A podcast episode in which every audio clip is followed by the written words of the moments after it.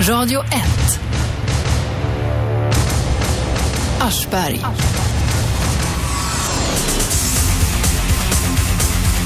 Varje vardag 10-12 på 101,9 Sveriges nya pratradio. Jag heter Aschberg. Idag ska vi tala om spöken, andar och övernaturliga väsen. Finns de på riktigt?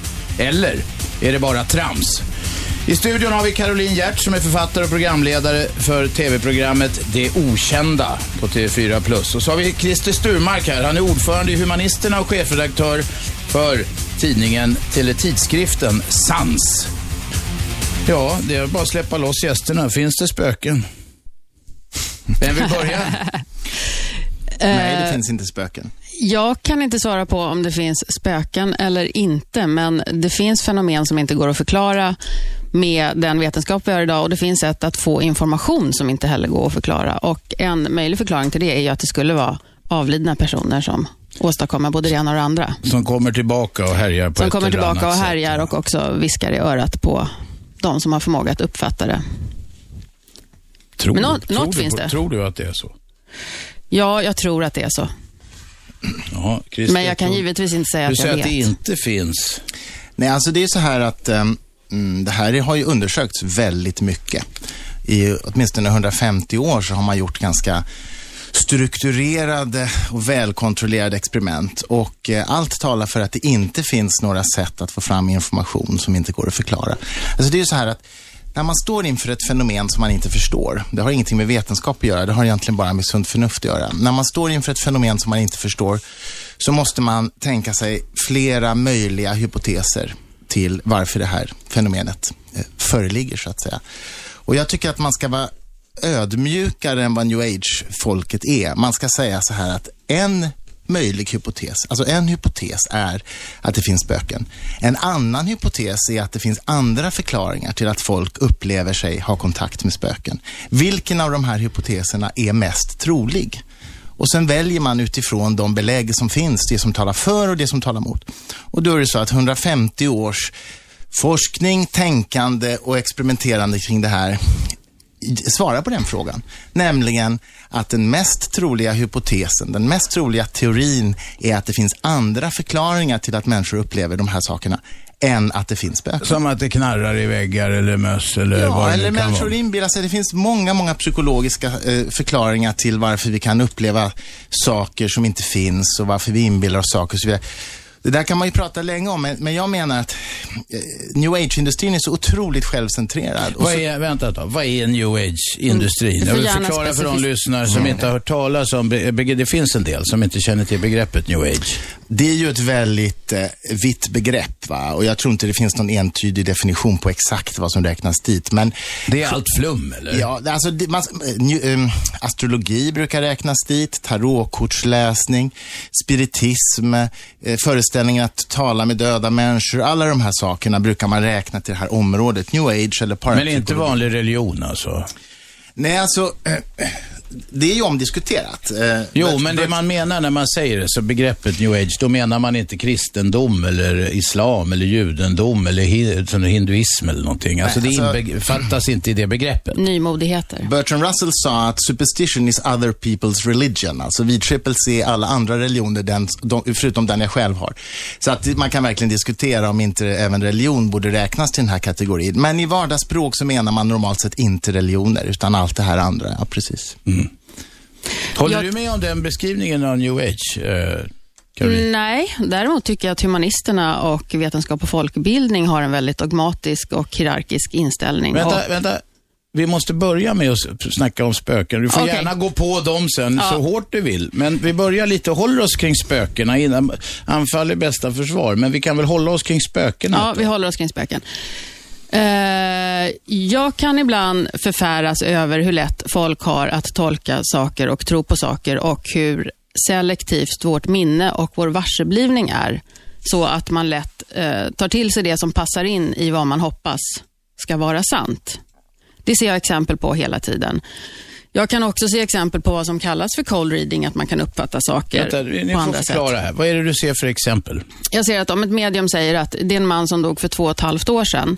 När vi kommer tillbaka så säger någon, ja när mediet sa att han dog för tre år sedan, då visste jag att det var pappa. Men det var två och ett halvt år sedan de sa. Alltså man, man liksom vrider lite på det som händer för att man vill att det ska stämma. På samma sätt så tror jag att många som tror motsatsen vrider åt andra Den hållet. som vill tro på något, tro på Vi har något. en perse, perse, vad heter det? Perceptionsförmåga. En, precis, en något. selektiv perceptionsförmåga. Ja. Eh, det går bra, förlåt, det går bra att ringa till oss. Eh, Det är någon som har börjat redan ringa till oss på 0211 12 13 om ni har sett spöken eller om ni bara tror, som en av gästerna här, och jag själv faktiskt också, att det bara är trams med spöken. Ja, Får jag fortsätta? förlåt. Ja, varsågod. Ja, men det kan inte förklara allt som jag har varit med om under de här sju åren, som, eller om vi ska räkna förnimmelse som ord också, så är det väl åtta år som jag har jobbat med de här sakerna. Det har hänt väldigt mycket saker. Ett senaste fallet som vi spelade in, som jag var på igår, där säger mediet att ja, den här kvinnan som är här säger att hon födde din mamma 1950, eller 51, nej 50. Och eh, kvinnan i familjen blir väldigt generad för att hon vet inte när hennes mamma är född. Men hon var född, vilket var lite pinsamt. Men det kan, kan Ja, man men hur göra. vet man det? Hur vet ni det sen då?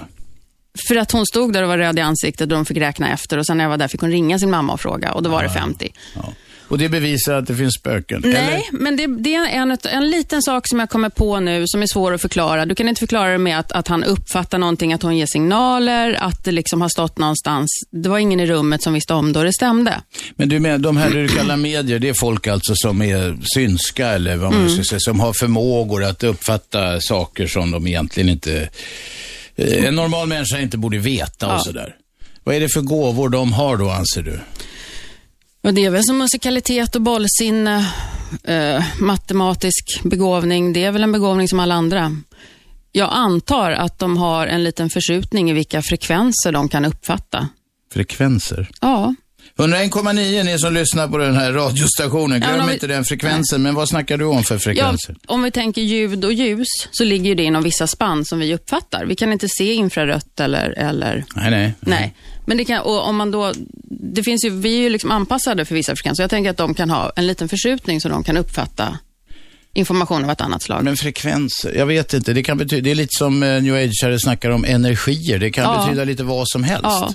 Jag- Själv jag vet jag att hoppas soppan ju- går upp i pris hela tiden när jag tankar bilen. Det är också en energiform, men den är rätt konkret. Jag hoppas verkligen att vetenskapen ska komma ikapp och kunna mäta de här fenomenen och jag tror det. Men det är bara att tänka om man skulle börja prata om bakterier på 1600-talet. Mm. Eller kvantfysik på 1800-talet. Du skakar på huvudet, Ja, Christer. gud du ser helt olycklig ut. Men, Nej, men det är, lite, det är nästan lite rörande. Alltså, du, du har ju ingen aning om vad Tack. frekvenser och energier är för någonting överhuvudtaget. Du an- Du använder dig av begrepp som du inte begriper. Alltså, när jag, okej, låt mig förklara några saker. När jag säger att det inte finns några spöken, då menar jag att det är ytterst osannolikt att förklaringen till att människor upplever de här sakerna skulle vara att det finns spöken. På samma sätt som om jag säger till Caroline här att det bor en talande groda under ditt hus, då kommer du säga, nej det gör det inte. Du kan naturligtvis inte veta det. Du kan inte vara 100% säker. Du kan inte bevisa att det inte bor en talande groda under ditt hus. För när, när du kollar Ja, kanske eller han också njuter- säga, Vänta, "Åh, vad låt mig- spännande, låt mig tala- den låt mig för tala mig." Vänta, vänta. Låt mig tala till punkt. Du kan inte bevisa att det inte bor en talande groda där, därför att när du kollar under huset så kanske den är ute på promenad just då, så du kan inte bevisa det. Men du kan på ganska goda grunder, eller till och med mycket goda grunder, säga nej, det bor inte en talande groda under mitt hus. På exakt samma grunder kan jag säga nej, det finns inga spöken. Och ditt resonemang är så tydligt exempel på den här självupptagenheten, självcentreringen som, som frodas i new age-kulturen. Du säger så här, jag har under sju, åtta år, eller vad du sa, upplevt saker som inte jag kan förklara. Fine, men andra människor kan förklara de här. Massor med människor har i hundra år undersökt sådana här fenomen och kan förklara de här sakerna. Bara för att du inte kan förklara det och inte har den kunskapen och kompetensen betyder ju inte att det finns spöken. Alltså det är så otroligt självcentrerat hela det här resonemanget. får jag be dig förklara en sak som hände hos mig för en månad eller två Det är sedan? klart jag inte kan därför att jag vet inte hur du återger det. Jag vet inte om du talar sanning. Jag vet inte om du har uppfattat situationen rätt. Jag kan naturligtvis inte förklara någonting som hände hemma hos dig för två Men dra, sedan. dra exemplet får Ja. vi höra. Jag talar sanning, jag ljuger inte. Jag tror ingen någonsin, någon kan komma på mig med att säga att jag har ljugit och det beror på att jag inte ljuger. men vi tar, vi tar vad som hände. Dra, dra exemplet Ja. nu får vi höra. Jag har ett skepp. Eh, På skrovsidorna har jag byggt lådor som ser ut som det här bordet. De här lådorna har jag som förvaringsutrymme, så jag har skurit ut luckor som är i dem. Jag gör allting lite slarvigt och fort så att den ena är inte riktigt förstärkt. Så att om man trycker på den så åker den ner under själva bordsskivan. Och är då svår att få upp för att den är också lite skev. Så man får ta två, ja, just det, två Ja. Mm. smörknivar och pilla lite och lyfta upp den. och det är lite så här, om man vill inte förstöra färgen. Jag håller på att ska installera vägglampor. Jag har också gjort strömmen lite hi och hå så att jag får en stöt. Eh, tar stöd mot luckan, den åker ner och jag blir väldigt irriterad. Så jag lämnar allt det där, går ut med hundarna och tänker att jag lugnar ner mig och kommer tillbaka. Det är ingen på skeppet förutom jag. När jag kommer tillbaka är luckan på plats av sig själv. Så att den har alltså gått upp, trasslat sig upp genom det här och lagt sig på plats. Och jag har Vad kallas det där i new age, eh, med new age-lingo? ja, poltergeist-fenomen kanske. Ja, jag vet saker inte. och ting hoppar och rör sig. Vi har en lyssnare med. Vem är där? Ingen. Då tar vi en annan. Vem är där? Ja, det är Raffe här. Telefon. Raffe, kom igen. Tjena.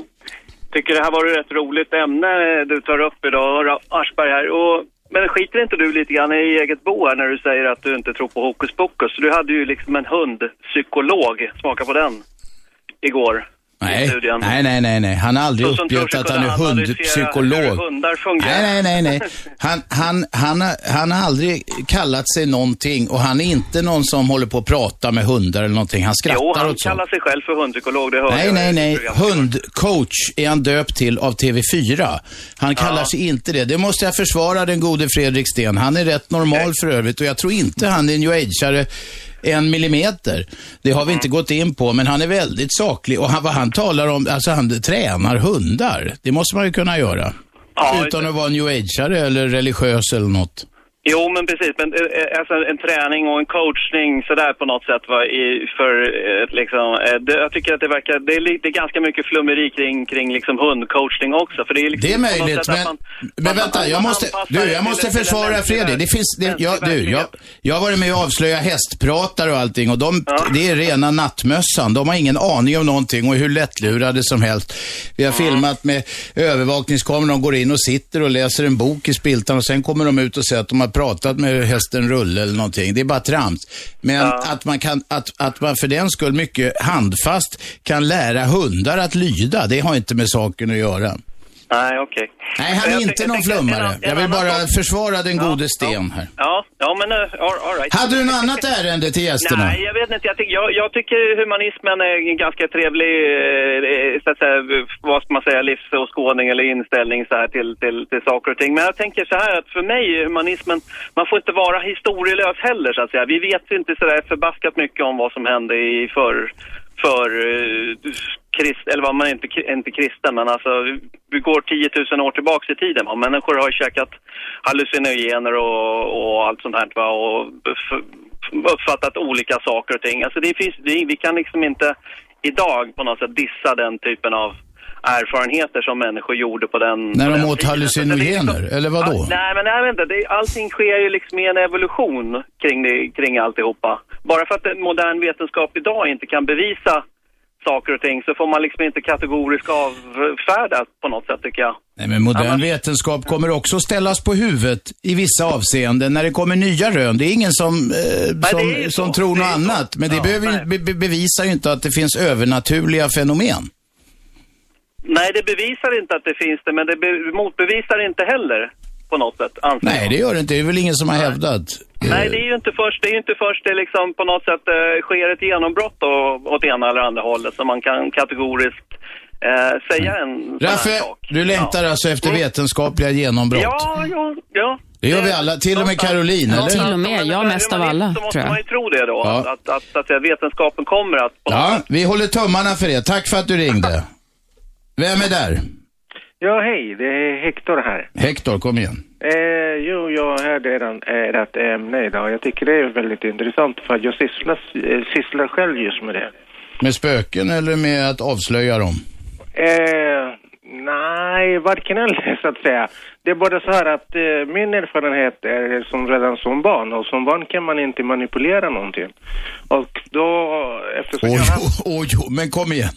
Ja, det är ju så här. Det är ju så här att jag tycker liksom att för det första så tycker jag att människan är en komplicerad varelse.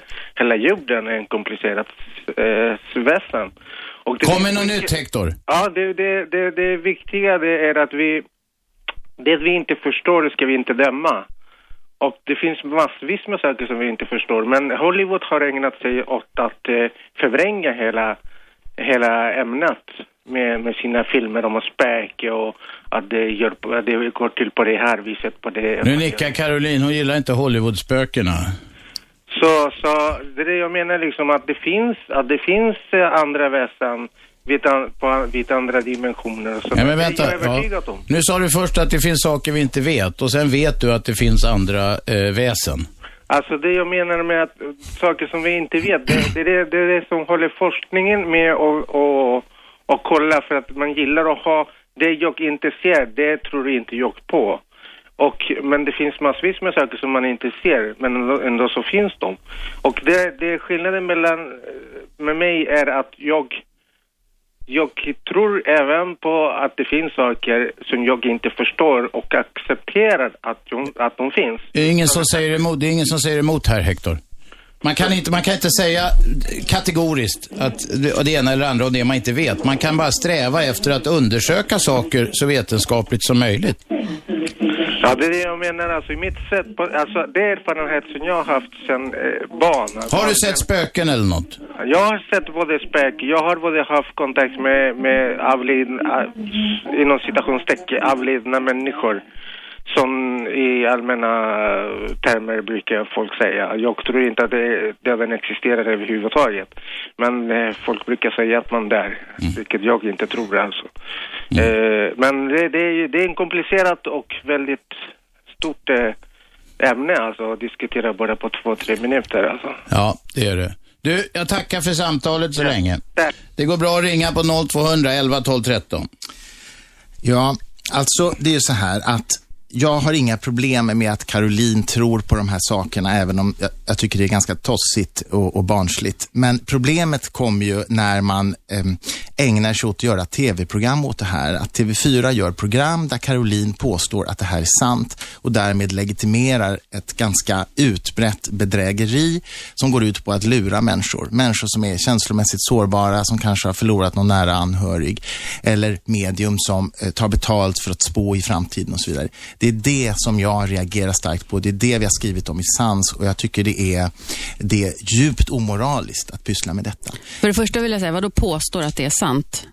Det gör jag sällan. Jag kan inte Du komma ihåg att jag gjort det. gjort det. Nej, jag har sagt vad jag tror. Jag har inte sagt att jag påstår något. Har jag det? Jag har sagt att jag tror det. För Att du mig tror att det är sant, det är samma sak. Att då. jag tror att det är sant är inte samma sak Det är som att säga att synonymt. påstå att nej. Jo, det är det. Det är klart att man får ha en åsikt Okej, och men en låt teori. Caroline eh, ha den eh, Får jag fråga dig Robban, om jag säger att jag tror att det är sant, betyder det i dina vänta, öron vi- att jag påstår att något är sant? Det är en skitdiskussion. Nej, det är en Eh, viktig- Jo, det är det. nej. Därför att man kan att säga att någonting är sant, Ja. då ska man kunna visa det, att det gång på gång, att det upprepas Ja. och, att det, och så vidare. Va? Du säger att du tror att det är sant. Ja. Det räcker för att föra diskussionen vidare. Varsågod. Okej, jag vill, för mig är det i alla fall en skillnad. Jag skulle inte kunna stå och säga att det här är sant och det gör jag inte heller i programmet.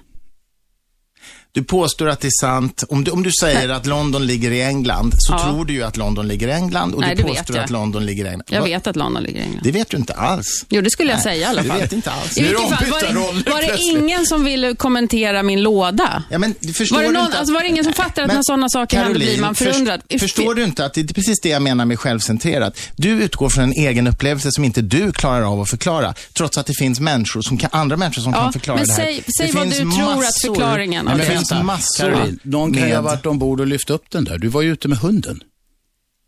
Det, är väl en, det hade varit en mycket En enkel möjlig förklaring. förklaring. Alltså jag saknar en ödmjukhet i den Som här new age-kulturen. Eh, alltså jag skulle önska att du sa så här att det kan faktiskt vara så att det finns naturliga förklaringar även om inte jag begriper Fast jag det. tycker att det skulle är vara en det- naturlig förklaring. Ja, men nu, men nu menar jag naturlig motsats till övernaturlig. Ja. Alltså inte involverande Men spöken. det är klart att det kan vara så. Och min poäng är att new age-industrin är väldigt självupptagen i att man hela tiden utgår från sina egna upplevelser och fullständigt skiter i alla de tester och undersökningar som har gjorts och som pekar åt ett annat håll. Men Radio 1. Aschberg. Varje vardag 10-12 på 101,9. Ring oss på 0200 11 12 13. I studion har vi eh, Caroline Hjert som är programledare i tv-programmet Det Okända och Christer Sturmark som är ordförande i Humanisterna. Och han tror inte på spöken, men det gör Caroline. Eh, var var vi någonstans? Christer, du var igång med något. Nej, jag sa att det finns väldigt rimliga eh, och enk, eh, lättförståeliga förklaringar till varför det finns myter om spöken. Och därför menar jag att det enda rimliga, vi kan strunta i vetenskapen, det har inte med det här att göra överhuvudtaget, utan det handlar bara om sunt förnuft. Att när man står inför ett påstående så måste man välja den rimligaste hypotesen, den rimligaste förklaringen, den rimligaste enklaste teorin. förklaringen är ofta den bästa, kan man det kalla det, ja, precis. Och den är inte att det finns spöken. Sen sa jag en sak till. Jag frågade Caroline i pausen om hon tror att det bor en talande groda i någon skrymsle på hennes Ja. skepp och du svarade då att det gör du inte. Var det Nej. riktigt uppfattat? Och då undrar jag, varför är du inte lite öppen? Var inte så Jag, sa, dogmatisk. jag säger att jag inte tror på det. Det är ju öppet. Den dag jag träffar en talande groda så tror jag något annat. Men varför är du inte öppen för att det kan finnas en talande groda där? Det är klart att jag är öppen för att det kan finnas det, men jag tror inte på det. Just det, men då borde du vara lite mer öppen tycker jag och säga att jo, men det gör det nog. Vem är Det är med? precis samma resonemang Vem är som med? med. Vem är med på telefon? Hallå, hallå, det är Pontus här. Pontus, kom igen. Yes. Jag tänkte bara säga över det här med byrålådan som Caroline berättade om. Eh, Luckan, ja. Ja, en lucka som flyttar Ja. på sig, säger Ja, hon. Ja. precis. Där, där kan ju en förklaring vara att om hon fick en stöt innan så kan hon få vrängt av en tidigare tillfälle när hon välte ner luckan, gick därifrån lite chockad, kom tillbaka och så har hon aldrig rört byrålådan. Men sen i försvar då, så det händer många sådana här konstiga grejer med får déjà vu-upplevelser och allt vad det är. Det är ju hjärnan som spelar ett spratt med en. Men sen samtidigt tycker jag då att eh, humanisten här i studion då, å andra sidan kan tänka mig skulle levt för ett antal år sedan skulle vara en av de som sa att nej, man kan aldrig jorden är platt, så enkelt är det. Alltså, jag, jag är inte den som tror på spöken, men man kan vara öppen för, alltså kanske inte just spöken i sig, men att det finns eh, saker som vi kommer ta för givet om hundra år som vi idag inte tror på. Men det har vi sagt. Det har alla här inne sagt faktiskt. Okej, ja men då har vi... Då har vi Pontus, du får lyssna noga. Ja, Tack för alla... att du ringde i alla fall. Fortsätt ringa på 0211 12 13. Caroline. Jo, det pratas om att eh, forskningen hela tiden, det forskas mycket och ingenting kommer fram. I Lund nu har vi en professur i parapsykologi. Vad gör han? Jo, han forskar på vilka som är lätta att hypnotisera och vilka som inte är det, om de har någonting gemensamt. Istället för att forska på parapsykologiska fenomen. Alltså till och med de pengarna som är öronmärkta för den här typen av forskning går till något annat. Det finns en otrolig, ett otroligt motstånd mot att forska på det här. Radio 1. Aschberg. Aschberg. Varje vardag 10 till 12, 101,9 frekvensen. Idag talar vi om spöken, andar och övernaturliga väsen. Finns de på riktigt eller är det bara trams? I studion Caroline Hjert som är programledare för TV4 Plus-programmet som heter Det Okända. Och så har vi Christer Sturmark här. Han är ordförande i Humanisterna och chefredaktör för tidningen Sans. När jag, eh, eh, ja det går bra att ringa oss på 0211 12 13. Jag, jag, jag släpper in en ringare här så får vi se var vi hamnar. Vem talar vi med? Heter Ivar. Jag, jag pratade förut med er när det var... Ja, varsågod och prata igen då Ivar.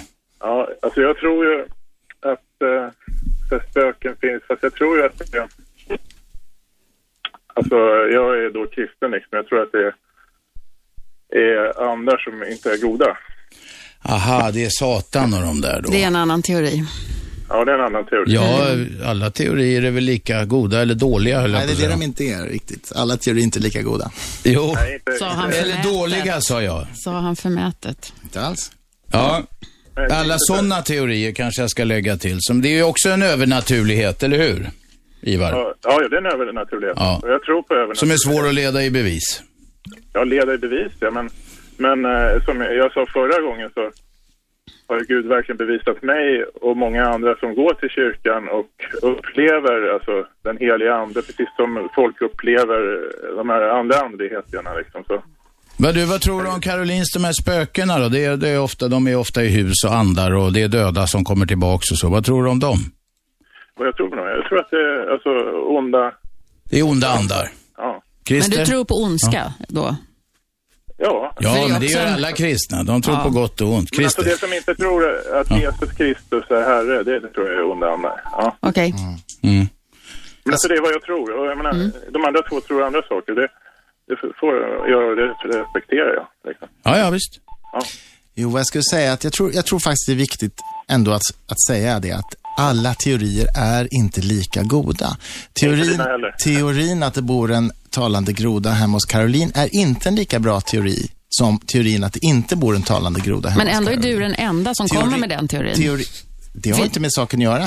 Om alla teorier är lika goda så är de väl lika goda. Jag menar att det är ett väldigt farligt sätt att resonera. Teorin att det är en poltergeist hemma hos Caroline är inte lika bra teori som teorin att det inte är en poltergeist. Vad är det här? Kan vi bara kort, vad är en jävla poltergeist? Poltergeist är andar eller spöken som kan flytta fysiska föremål. Ja, vissa spöken har inte den förmågan Nej. då, eller? Nej, okej. de Får jag säga en kan- sak till den det- förra lyssnaren som eh, tog upp eh, humanismen och sa att vi skulle sagt att jorden var platt för några hundra år sedan.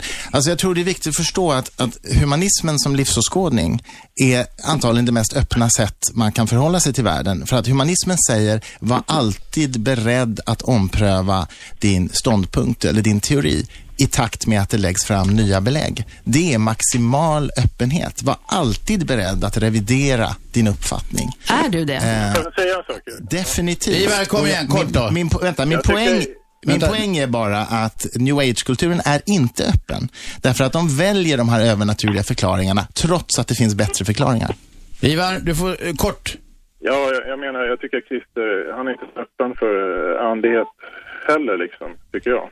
Eller det, det hörs ju när han pratar hela tiden. Jag håller med dig, Christer. Ja. Mm. Eh, Tack Ivar för att du ringde. Jag måste säga en sak som inte själv är oandlig eller vad fan det heter. Eh, det är ju så här, på dårhusen förr i världen, alla som hamnade där, nu, nu målar jag med riktigt bred pensel, men de, när de, de var någon annan, de här som uppträdde, det var alltid Napoleon, eller farao, eller Kleopatra, Jesus. eh, eller Jesus, eller något sånt där var de. De var aldrig någon jävla träl någonstans åt helvete. Och det, det är möjligen ett tecken på självupptagenhet. Men har du Eh, något det är belägg för Ytterligare det? en sak. Och jag tänker på vad man kan tänka på i sammanhang med den här diskussionen. Mm. Det, är, det är att många människor är rädda för mörker. Och det behöver man inte alls vara. Nej. Och mörker är ju det, någonting som vi inte vet. Det är därför folk är rädda för det. Och då söker man ju vanligtvis enkla förklaringar. Och det här med Napoleon, det var ju som att, det, det är ju, den liknelsen, det kanske haltar, men det är ju i alla fall, om man händer något konstigt, då tror man gärna att svaret är spöken eller någon avliden som kommer tillbaka. Det kan ju lika gärna finnas tusen andra förklaringar. Håller du inte med om det? Jag håller med om det, absolut. Men precis som när det gäller UFO-observationer, om vi nu ska jämföra, så finns det alltid en liten procent där man inte hittar någon förklaring. Du kanske kan förklara sig 95 procent taget ur luften. Men det finns ändå en liten procent du inte kan förklara. Okej, vem är med oss på telefon? Birgitta från Östermalm. Birgitta, kom igen. Jag vill ge en eloge till Caroline i det här fallet. Eh, det, jag tycker det är väldigt tråkigt att eh, människor är så inskränkta att de tror att liksom det är bara vi som består här på jorden. Alltså, det finns både spöken, andar och eh, utomjordingar och allt möjligt. Tyvärr är det så, eller vad man ska kalla det. Och eh, en, ett tips det är att aldrig bosätta sig i en lägenhet där det är någon som har dött. Alltså, men du, då är det inte många lägenheter man har möjlighet att bo i du. För att eh, det kan vara ganska jobbigt. Och sen är det frågan om vad man har för mottaglighetsförmåga, alltså hur öppen man är i hjärnan alltså. För att eh, jag har själv varit med om en, några saker alltså. Så att det, det är bara så. Och, men stänger man av och börjar prata om talande grodor, vad fan, har talande Men vänta, det är, väl- med vänta det Birgitta? Birgitta, det är väl inte konstigare när man talar om att det går andar i hus? Men den där killen, han tror väl att han är en talande groda under sängen och är mörkrädd eller något. Visst låter det vansinnigt? Det är ju det som är hans poäng. Herregud, alltså väx upp någon gång och försök öppna sinnet. Det är bra Birgitta, du tror inte på spöken heller då? Tack Jo, det Birgitta. gör jag visst det. det. Spöken är bra men inte grodor som kan eh, Jag tala. behöver lite Men stöd här. det för löjlig liknelse alltså? Jag, Ja. Ja, Jag hört tycker den var någon. träffsäker, men ja, ja. Bra. Det är väl ingen som har... Hon har väl aldrig sagt att hon tror på talande grodor? Nej, men spöken. Ja, men det är en väldig skillnad alltså. ja, det är, det är faktiskt stor skillnad. Det gäller att hålla isär sakerna. här. Talande grodor och spöken ser olika ut. Talande groda kan man föreställa sig hur den ser ut. Jag kan inte föreställa mig hur ett spöke ser ut. Öppna era sinnen och de, Ja. det är inte farligt och det kan till och med vara givande. Och man behöver inte vara mörkrädd och sånt där skit. Även med talande grodor. Tack Birgitta. Vem är med på telefon? Jag är Rasti. Rasti, kom igen.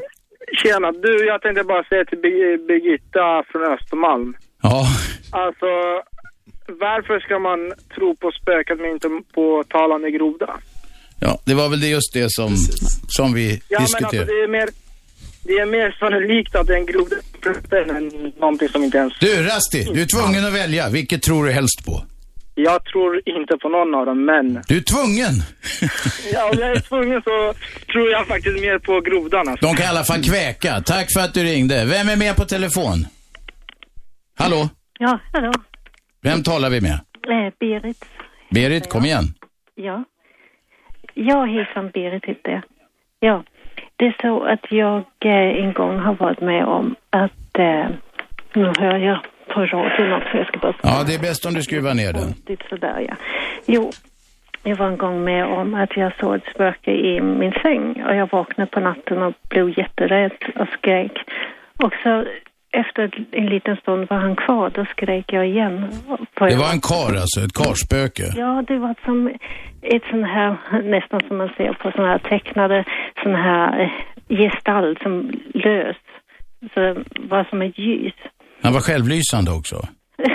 ja, men, eller det var väldigt ljust i alla fall. Okej? Och eh, ja, det var jätteläskigt. Först tänkte jag, men gud, jag måste ha drömt det här och inte klokt. Men så kom jag på, nej men jag väckte familjen. Jag skrek två gånger för han var kvar. Efter andra gången, De andra i familjen, såg de också den här snubben? nej, de hann inte. Nej, han var borta redan då. Du, jag drömmer mardrömmar, inte varje natt, men om det är för varmt eller något. Och en del av dem, jag har en sån här förmåga att jag egentligen, jag klarar mig alltid i slutändan. Det ska man ju vara glad för. Ja, precis. Men eh, jag har sett värre saker än så i mardrömmar. Det var inte så att du låg och sov då? Nej, eftersom jag vaknade efter jag skrek jättehögt första gången så Mm. skrek jag en gång till. Och det, det var det som fick mig att reagera. Men gud, Caroline, har du någon förklaring på det här som Berit har upplevt? Ingen aning. Det kan vara att hon har varit kvar i en dröm och inte trott det. Det kan ha varit att någon satt där. Vad skulle någon, ditt, något av dina medier, hur skulle de attackera ett sånt här? De skulle väl gått dit sak. och sett om de fick kontakt med någon och tagit det därifrån. Det vet man aldrig. Men det får de ju alltid. Ja,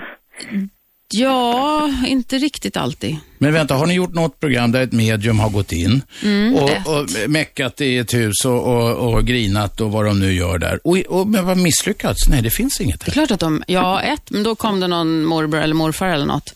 Men, eh, nej, Ja men, det var, ja, men då var det ju någonting. Ja. Det var någon avliden. Ni har aldrig misslyckats alltså. det tog ett tag innan den kom. Så att de Nej, här undersökningarna leder alltid till positiva resultat. Nej, positivt, det blir ju inte Jo, men i alltid den bra. meningen att ni hittar någon övernaturlig grej. Ja, det kan man väl säga. Mm. Men det är inte alltid så att vi kan bekräfta den övernaturliga Alltså, grejen jag tror efteråt. man behöver ha klart för sig att det är klart att redaktionen på TV4 ser till att det lyckas. Det kostar pengar att Nej, göra program och där hålla har du folk fel. igång. Och eh, man vill Där har sälja re- fel. och man vill avbryt mig inte. Och man vill sälja reklamplatser i det här programmet. Så det är klart man ser till att det lyckas. Det finns inte tillstymmelse till kritisk granskning på de här redaktionerna utav de här fenomenen. Och det finns ingen kompetens till kritisk granskning från Caroline eller någon annan heller. Du har fel där. Nej, det har jag inte. Det har du. Men vänta, Caroline. Jag skulle Caroline vilja- eh, jag skulle vänta. kalla det- Istället för att bara säga att nu, jag har fel. Nu får jag säga, jag har jobbat med TV i över 20 år Ja, och jag det är vet. klart att man inte åker ut på en grej där man tror att man kan misslyckas. Man vill ju ro hem det. Jag jobbar med Ja, ett program men- som heter Grannfejden. Inte vet. åker vi till något ställe där vi tror att inte båda parterna vill vara med och diskutera Nej, saker. nej, nej. Det är klart. Det gör vi inte. Vi har ju förberett när vi ska åka dit. Vi har gjort någon bedömning av att de inte är alltför sköra eller tycker att de är lämpliga för TV De på ska vara olika sätt. troende på något vis. Nej, de ska, det är de, oftast kan det vara en som är det och en som inte är det. Och den kompetensen har ni att göra den bedömningen menar du? Nej, vi gör det så gott vi kan. Ja, jag kan inte säga att vi precis. har den På vilket sätt hade jag fel då i det jag sa? Du har fel i att vi, om vi kom i, gjorde ett program där de inte får kontakt med någonting, så skulle vi ändå sända det. Det var inte min poäng. Min poäng var att ni har inget som helst kritiskt förhållningssätt och ingen kompetens till kritisk förhållningssätt till de här fenomenen. För ni har inte den Nu kunskapen. pratade, vi om, nu pratade vi inte om fenomenen, vi pratade om de som söker vår hjälp. Vilka Nej, vi jag åker ut pratade till. om att Just det, men det TV4 jag pratade om var, Profiterar på bedragare. Det är det jag pratade om. Och att du profiterar på bedragare. vad jag sa var att I när vi väljer våra fall som vi åker till, så har vi vissa parametrar som vi tar med. Sen när mediet kommer, då vet vi ju aldrig hur det kommer gå. Det kan gå hur som helst och vi skulle sända det även om det inte blev någonting. Då skulle Det har ni hittills program. inte gjort på i fem år eller vad det nu är. Får jag fråga en sak Caroline? Alltså, är du medveten om att när man pratar med dina programchefer så säger de att det här naturligtvis bara är underhållning och att det naturligtvis inte är sant det här. Det får stå för Så dem. du, ja men vänta, det är intressant. Du är, alltså, du är alltså lurad av dina egna chefer därför att du tror att detta är sant, men dina chefer tror inte att det här är sant. Det kanske de spökar på utnyttjar TV4. Din, de, de utnyttjar din godtrogenhet. Är du medveten om det? Vem är med på telefon? Jag- lite jobbigt? nej, jag Vem är med på telefon? Ja, hallå? Vem talar vi med? Det är Hector igen. Jag vill bara tillägga en liten sak. Ja, den får vara liten Hector. Ja, det gäller ju så här att det, det finns ju bedragare, men det betyder inte att det inte existerar saker och ting. Det är rätt. Tack, Hector för den. Radio 1. Aschberg.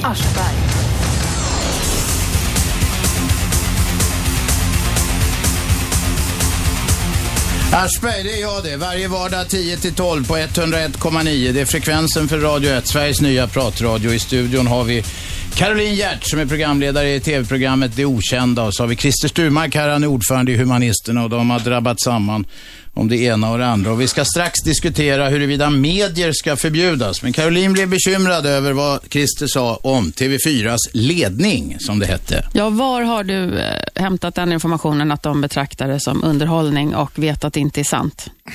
De har ju flera gånger kommenterat det här programmet och sagt att det här är ren underhållning och gör, gör inga anspråk på på att skildra någonting som är sant. Alltså Var någonting och när har de Och kommenterat min, det? Min poäng är så här att, ja, de kanske har ändrat sig. Min poäng är att antingen är de delaktiga i bedrägeriet, vilket ju är ännu värre, eller också utnyttjar de din godtrogenhet i den här frågan, vilket borde vara värre för dig i och för sig. Va? Eh, jag vet inte vilket just denna dag. Det kan vi ta reda på. Det vore väldigt intressant. Ja, vi kan väl göra min det poäng nästa är vecka. att Andreas, TV4 kan du kolla hur de kategoriserar det där på nätet? Min poäng är TV, att TV4 är medvetna om att de profiterar på bedragare och det tycker jag är djupt omoraliskt. Men hur Vem- kan vem är med- du så vem är med på kategoriskt telefon? kalla oss för bedragare? Vem är med på telefon? Medierna talar jag om. Vem? Lilia. Lilja, kom igen. Eh, jag har tre frågeställningar, kort. Ja, vad kort ska jag anteckna dem så tar vi dem med gästerna här sen. Lilja, kom igen. Encelliga organismer. Eh, när jag gick min sjuksköterskeutbildning på Sofiahemmet så läste vi om forskning kring amöban. Ja, och frågan är? Och frågan är, eh, den uppfattade verkligheten så tillvida den kunde överleva, inte annars. Det vill säga att eh, vi kanske funkade på det sättet att för att överleva så har vi sådana sinnen som är anpassade till en verklighet. Annars hade vi inte orkat med så mycket. Syn, lukt, hörsel, de menar du? Va? Intressant teori. Du menar syn, lukt, hörsel och känsel och vad det nu är? Ja. Men var det någon fråga i detta? Ja, det är min fråga hur man ställer sig till det här från humanister och från andra sidan. O- Om vi har de sinnen vi har för att vi inte skulle klara det annars? Jag förstår inte frågan riktigt. För att det blir för mycket information. Jaha, för att det är en eh, överlevnads... Och vi behöver Det var en inte. fråga, Lilja. Nästa? Nästa fråga är eh, hur får man eh, forskningsanslag till exempel till att uh, forska i eh, parapsykologi? För att vi har klart för sig att till exempel om man får ont i magen så går man eh, till sjukhuset, kirurgen opererar och sen är det klart, då är man frisk. Då får man ans eh, anslag för att forska vidare. Ja, ja. Och hur, hur, hur kommer det sig, är det det du menar, att man får för, för, för parapsykologi? Tredje, bra, tredje frågan. Tredje frågan det är att stora länder som till exempel före detta Sovjet, jag vet inte om det är i Ryssland nu, men Amerika hos Sovjet, de eh, lägger stora anslag för att forska i parapsykologi. Det måste betyda någonting. Det vill jag också ha lite... Någonting betyder det säkert.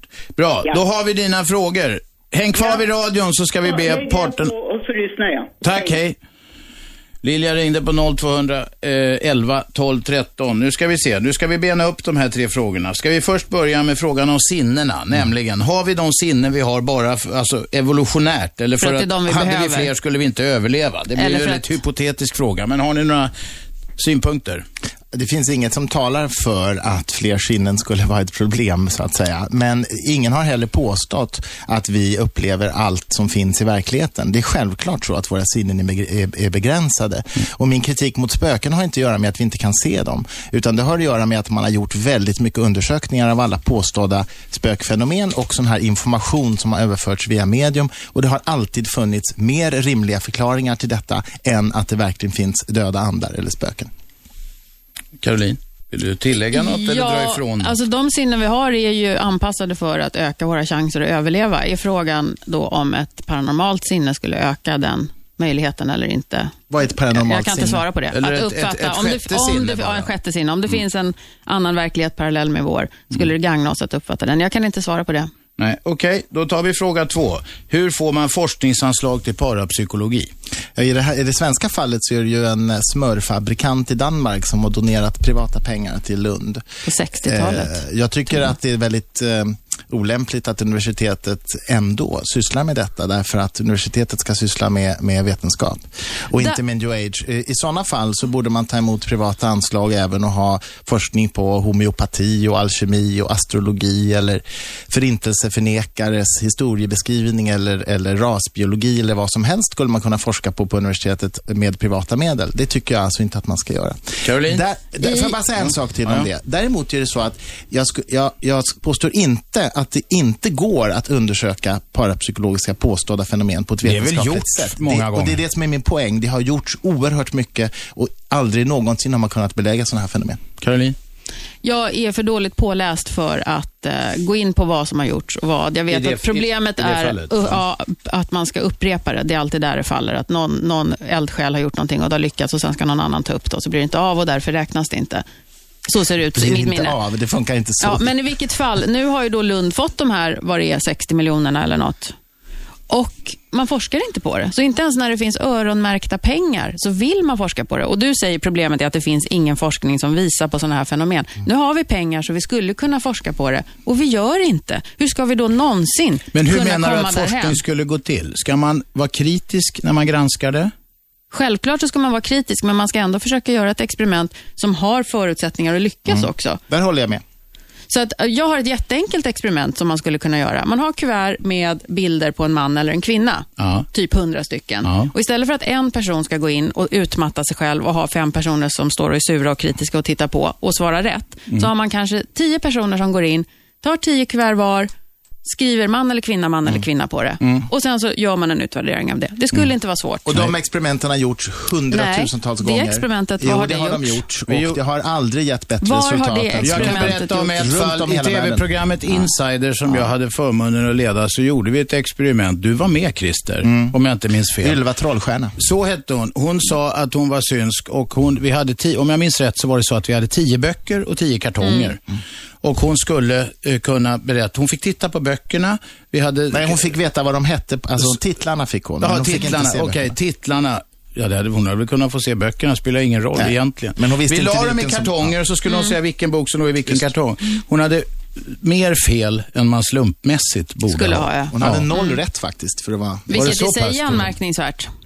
Om man nu vänder Men då på fanns, det alltid en, för, då fanns det en förklaring. Det var något med att det var i studion, det var si och så. Det finns alltid en förklaring på varför det misslyckas. Men här, där är ju ett exempel på ett experiment som är upplagt på ett sätt som har eh, små förutsättningar att lyckas. För det är en studio det är Hon massa skeptiker var. Jag vet, det får stå för noterna. henne. Men jag skulle vilja vända på det.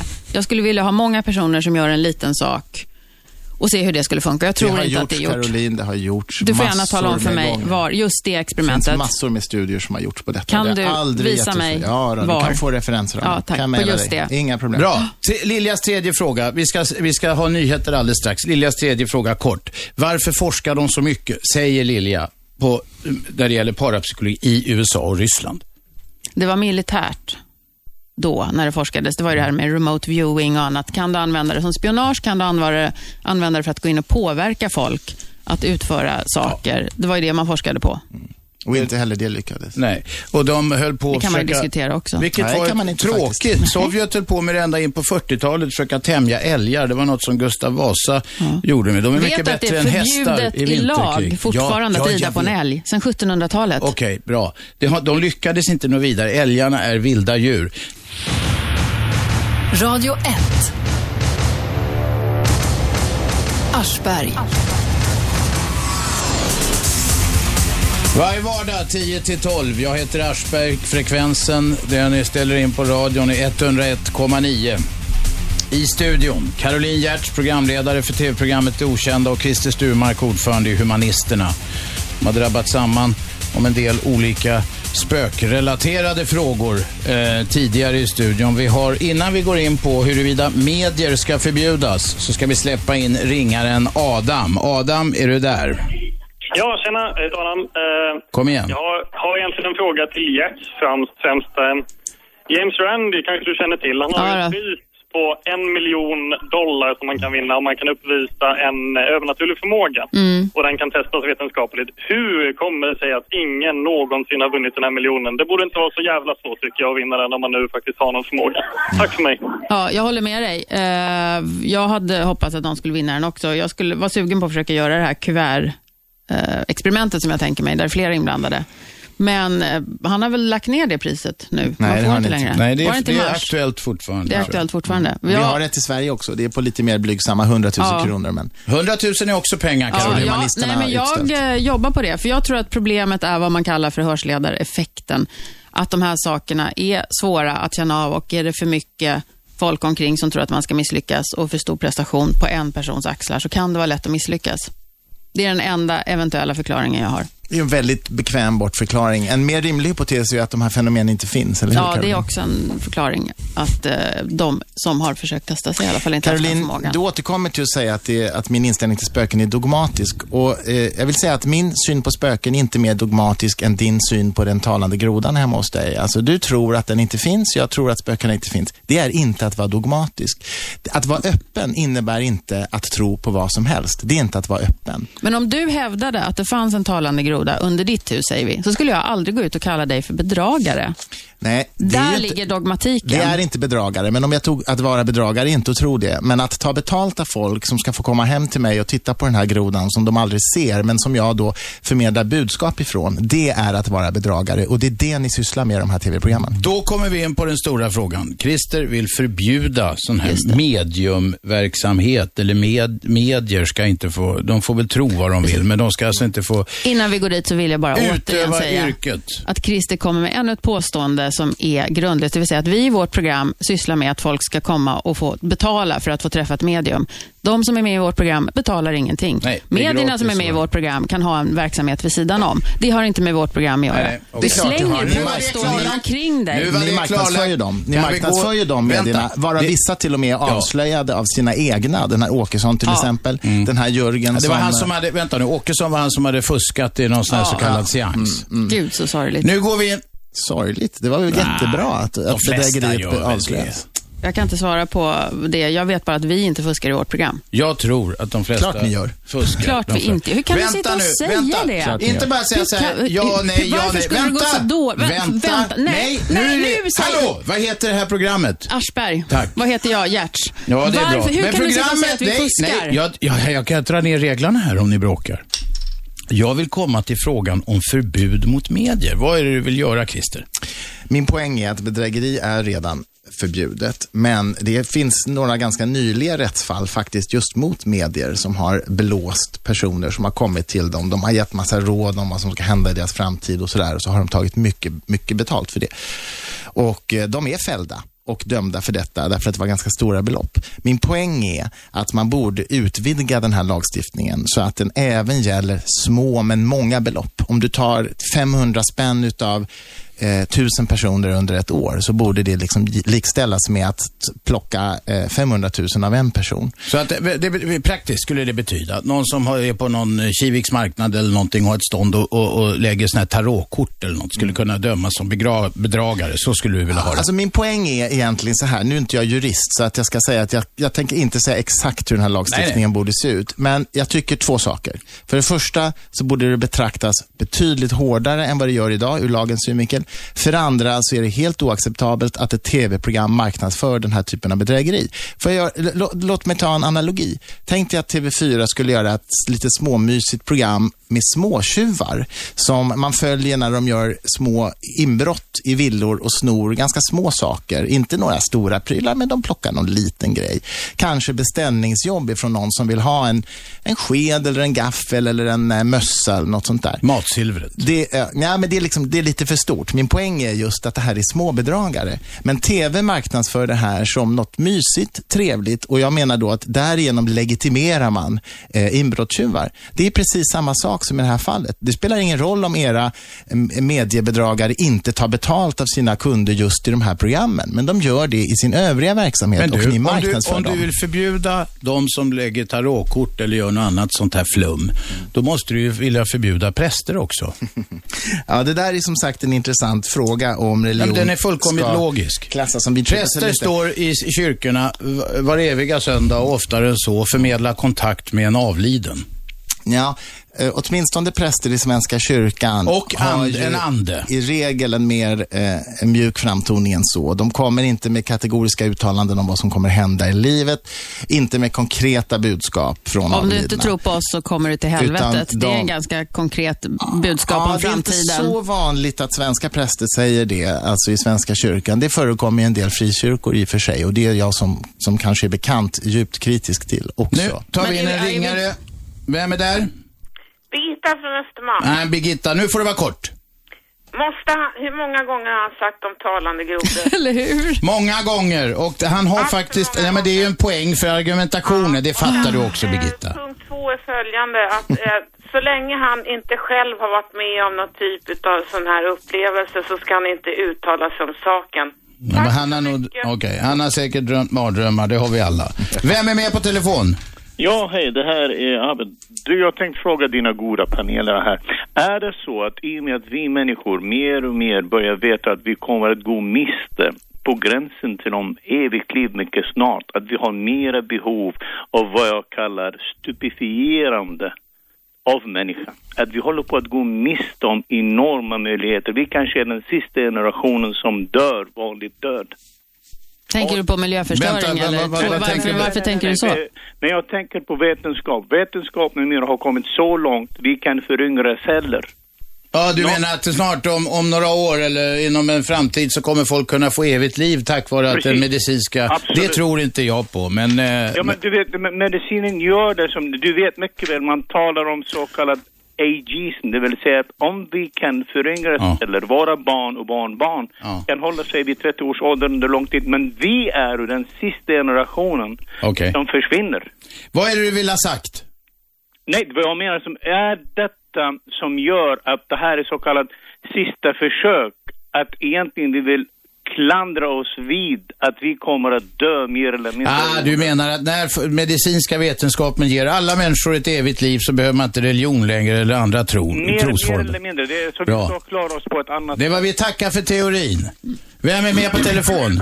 Ja, det är din gamla gode vän Stefan här idag igen. Stefan, du måste skruva ner radion.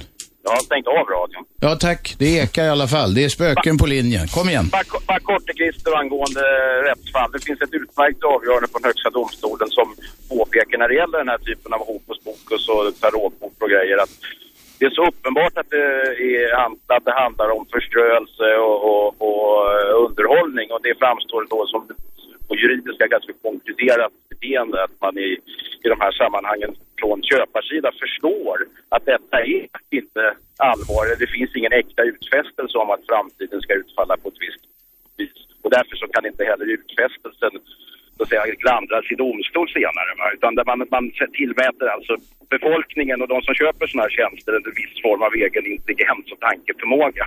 Och att det handlar om just förströelse. Fast problemet är att de ofta inte förstår detta. Inte ens Caroline förstår ju detta som jobbar med det här dagligen.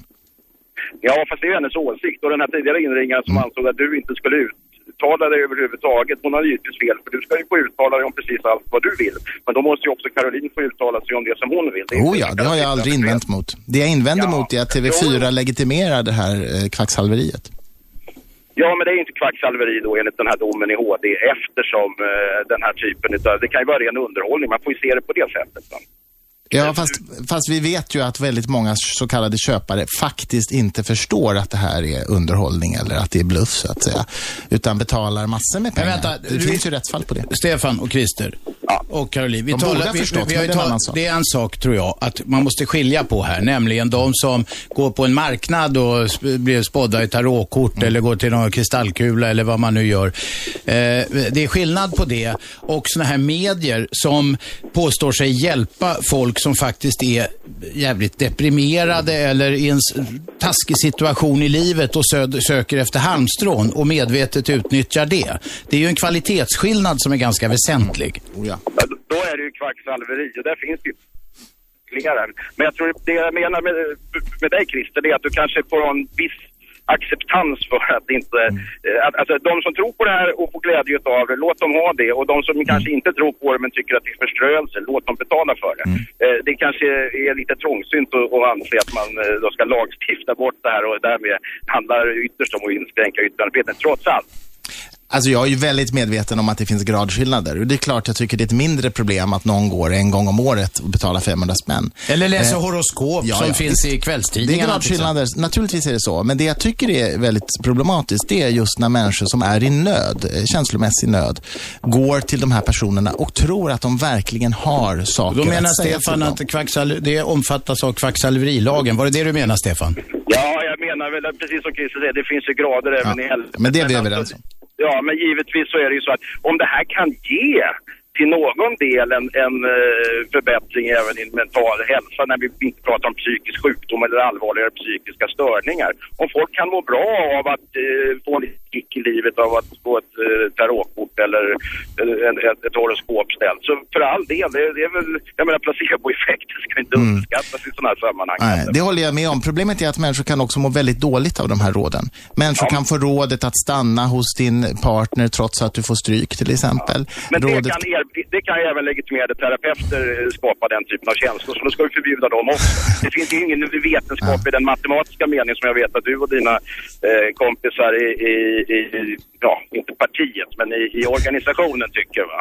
Alltså det, det, all, all form av psykoterapi och sådär bygger ju ändå på eh, ett stort mått av godtycklighet. Och det är känt faktum att dynamikerna krigar med de kognitiva terapeuterna om vad som är rätt och fel och vilka effekter det ger. Så jag menar, man måste nog vara lite mer nyanserad än att säga förbjud skit. Självklart. Stefan! Får jag s- Ja, ja, okej. Christer, sista. Vi, vi har haft många ringare på kön. Självklart kan, självklart kan terapeuter ge dåliga råd. Speciellt freudianer skulle jag tro. Men skillnaden mellan dem och medier är att mediet säger, jag har kontakt med din döda mamma och hon säger så här. Och det varför menar ska jag- man lyssna mer på sin döda mamma än på sin mamma Det- när hon levde eller på en terapeut? Det menar jag är manipulativt och det är väldigt omoraliskt att utnyttja människors sorg på det viset. Nu är du med. Vem är du? Ja, hej, Myrtel heter jag. Myrtel, hej. Hej. Eh, jag tycker att det är motbjudande och omoraliskt att eh, försöka lura i någon att man pratar med hennes döda mamma. Jag hörde ett radioprogram för en, några år sedan där jag hörde inspelat ett medium som talade med en kvinna som nyss hade, hennes make hade dött i tsunamin. Och mediet eh, sa tyst, tyst, nu, han står här, han står, nu, vänta, han säger, han, han säger att han mår bra. Och den här kvinnan, hennes darrande röst och hennes snyftningar som låg liksom på lut, jag ville spy, jag tyckte det var ett bedräg- bedrägeri utan make. Och, och, och oavsett om det här mediet tog betalt eller inte, det har jag ingen aning om. Jag håller helt med dig. Caroline, vad säger du om det Myrtels historia? Har jag fått eh, mikrofonen uppdragen nu efter min tid i Den var, aldrig ned, den var aldrig neddragen. Kom igen nu. Jag säger, jag håller med Myrtel. Det finns mycket som kan få mig också att känna mig obehagligt till mods. Och jag kan känna att jag har öppnat en dammlucka som jag inte riktigt kunde förutse vart den skulle leda. Men det fråntar inte det faktum att jag tror att det går att kommunicera med folk som är döda, att vissa klarar av det och att det ibland kan vara fantastiskt en fantastisk lättnad för den som får vara med om det. Och där har man ju då, om jag ska komma med lite råd och tala om vad jag tycker någon ska tänka på som går till ett medium. För det första, spendera inte mer pengar än du skulle göra av med på en middag på stan eller en kväll på krogen eller en tröja som du egentligen inte behövde. För det andra, ge inte ifrån dig information, utan låt dem prata så att du inte efteråt behöver tveka på om, ja, men var det jag som sa det eller inte. Så att du vet exakt vad de har fått fram. Och tro inte på det förrän du får sån information att du gör, att, att du känner att shit, det här, det här kunde de inte räkna ut själva. Och sen för, talas för det fjärde, reading? ja, och sen för det fjärde, lyssna inte mer på det du får veta än du skulle lyssna på din granne eller vem som helst som lever, för du har alltid ansvar för ditt eget liv. Får jag, får jag bara säga en sak? Ja, det här låter ju vettigt och klokt och sådär. Men eh, på ett sätt. Men jag eh, tror att det är så här att de människor som vänder sig till medier, till exempel som den här utsatta kvinnan med sin Mm. med maken som nyss hade dött, är inte så rationella och vettiga och lyder de här råden som du kommer med, utan de bara snyftande längtar efter ett tecken Mm. Och det är ett problem. Och såklart. Alltså för mig är det full... alltså, De, de är inte tillräckligt klara i knoppen helt enkelt. De är inte tillräckligt starka just då. Och det är det jag tycker, det bidrar verkligen till att jag tycker att det hela är Mm. omoraliskt. Att det är svaga människor. Mig skulle du aldrig kunna lura. Men Då- jag är stark. Men det är Man de utnyttjar folk i en viss situation. Radio 1. Aschberg. Varje vardag 10-12 på 101,9. Stationen heter Radio 1. Jag heter Aschberg. I studion har vi Christer Sturmark som är Humanisternas ordförande och Caroline Giertz som är programledare i TV4 Plus-programmet Det Okända. Jaha, kombatanterna, varsitt ord innan vi släpper in ringaren. Jo, jag vill kommentera det som eh, Caroline eh, sa. Hon sa att ett av råden var att när du går till ett medium så ge inte från dig någon information som det här mediet kan använda och så vidare. Det har gjorts en massa experiment där man har filmat personer som har gått till medium och där de efteråt säger att jag har inte sagt någonting men ändå kunde mediet berätta det här och det här. Det är helt otroligt. Och när man sen spelar upp filmen för dem så är det alldeles uppenbart att de har sagt saker, de har signalerat saker med kroppsspråk och Ja, sådär. där De har vi den selektiva varseblivningen. det kallas för cold reading. Om, det, om mediet är skickligt på detta Är så inte kan det man som sådana åstadkomma... mentalister håller på Jo, med? Precis. De lurar ur folk. Och man kan- Fast de tror inte att det är övernaturligt, Ja, men de är precis. skickliga på Just det. Och min poäng är alltså där att vi vet att det går inte att kontrollera det där när du besöker ett medium. Därför att du blir lurad av din eget, ditt eget beteende. Du har inte den kontrollen. Så det, så det femte rådet eh, på Karolins lista är förstås att gå inte till medium därför att de är bedragare. Sen vill jag säga en sak till och det är att jag blir ständigt så förvånad över den här självupptagenheten som finns i new age-kulturen och som Caroline nu ger uttryck för. Hon säger så här, jag tror att det finns spöken och att man kan prata med dem. Detta säger du trots att världens samlade vetande och kunskap om det här talar mot att det finns spöken. Alltså talar för att det inte finns spöken. Och ändå säger du att, ja men jag har upplevt något konstigt som jag inte begriper så jag tror det. Alltså det är så otroligt självupptaget. Men hur kan du kalla, du frågar mig och jag svarar på en fråga och då blir jag genast stämplad som självupptagen. Det är självupptaget eftersom du tror mer på en, en egen upplevelse du inte kan förklara än världens samlade kunskap och vetande och undersökningar av det här. Det är självupptaget. Och att jag har jobbat med det här i sju, åtta år och samlat på mig egen erfarenhet, det räknas verkligen för intet då. Det är väldigt lite jämfört med det, alla de undersökningar som har gjorts eh, Mm, du ska genom få länka- länka på att till mig Bra. Och sen. dessutom har ni ett kommersiellt intresse av att fejka det här. Ja, men det kommersiellt intresse måste inte betyda att det är fejk. Vi fejkar inte, vi fejkar inte, vi fuskar inte, vi fejkar inte, vi fuskar inte. Jag kan säga Se det på mig bara, gånger. ljusets Era riddare. Jag har massor med kommersiella intressen, ändå är jag ljusets riddare. Nu släpper vi in Sofie. Ja, hejsan. Vad vill du Sofie? Eh, jag tänkte bara, jag vet inte om jag halkar in på fel spår Halkar du in på fel spår? här med folk som har, pratar med djur. Prata med dju- djurpratare, ja det nämnde vi någon gång tidigare, ja. Precis. Och det tycker jag är helt sjukt. Alltså jag kan tycka att visst så kan man se på ett djur hur de mår, om de mår bra eller dåligt. Det är väl avancerad cold reading. Säga, ja, precis. Men att säga till folk som kanske är lite blåögda och som liksom bryr sig om sina djur, att ditt djur mår bra och sen så har man djur som går runt med till exempel hela kroppen full av cancer. Ja, men det är ju skojare som håller på med det. Det är ju bedragare. Ja, precis. Och tycker hon då i studion att det är rätt? Det är ju djurplågeri. Vi ställer frågan till Caroline. Förlåt, jag läste, Nej, men det, jag hand, hörde det handlar om djurpratare. Ja. Alltså det har ju hänt då att, att det har kommit så kallade djurpratare, säger ringaren här, Sofie, äh, frågar, alltså så visar det sig att djuret är kanske helt äh, döende eller sjukt och, och de säger några helt andra saker och så. Tycker du att det är rätt, va, Jag frågan? gissar tre gånger. Nej, Sofie, jag tycker jag tror inte, inte Caroline tycker att det är rätt med den formen av bedrägeri. Nej, jag tycker inte att det är rätt. Var du nöjd med svaret? Jag är nöjd. Tack, hej. Får jag fråga Caroline en sak? Tror du att eh, buddhistiska munkar kan sväva i luften när de mediterar? Jag har ingen åsikt om det heller, men jag skulle väldigt gärna vilja se det. Jag har själv inte lyckats. Jag skulle själv Nej, vilja sväva i luften. Ja, jag, jag har har inte försökt, lyckats det går heller. inte så bra Men min mig. fråga är om du tror att någon munk kan göra detta? Som det är ett möj- om det är en möjligt fenomen, så att säga. Eh, om jag tror att någon munk genom tiderna någonsin har lyckats sväva i luften. Men jag kan inte tro något om det. Nej, okej. Men jag hoppas att det är så. Ja, det var inte det jag frågade. Vem är med på telefon? Ja, hej Andreas heter jag. Andreas, kom igen. Ja, två saker som jag tänkte på. Dels uh, går mina tankar lite på Kristoffer Columbus. Innan eh, han var ute och seglade på de haven så trodde man att jorden var platt. Och eh, har man den tron som, jag kommer inte vad han heter nu i studion, har, så tror jag att man är inte så på på att kunna vara ute för och, och, och att säga, ha ett öppet sinne. Precis på samma sätt som man precis också ställde frågan till Kristin om han, hon trodde att eh, munkar kunde sväva. Caroline. Caroline. Caroline. Caroline, om jag får Caroline, säga ursäkta. så. Ja, Som du. Eh, Det fanns de som inte trodde att vi kunde åka till rymden heller.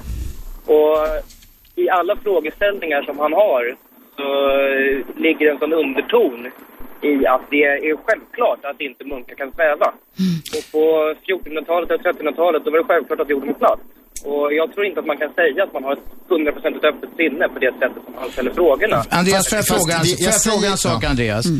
Det faktum att folk trodde att jorden var platt före Columbus och det faktum att ingen trodde att man skulle kunna åka till månen innan de gjorde det, eller i alla fall ett tag innan det.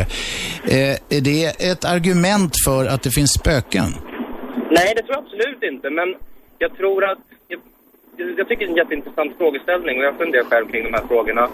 Och jag brukar säga att de, så fort en människa säger att de är ateist så måste det vara bra mycket svårare att kunna bevisa att det inte finns någonting än att det finns. Precis på samma sätt som frågeställningen kring grodan.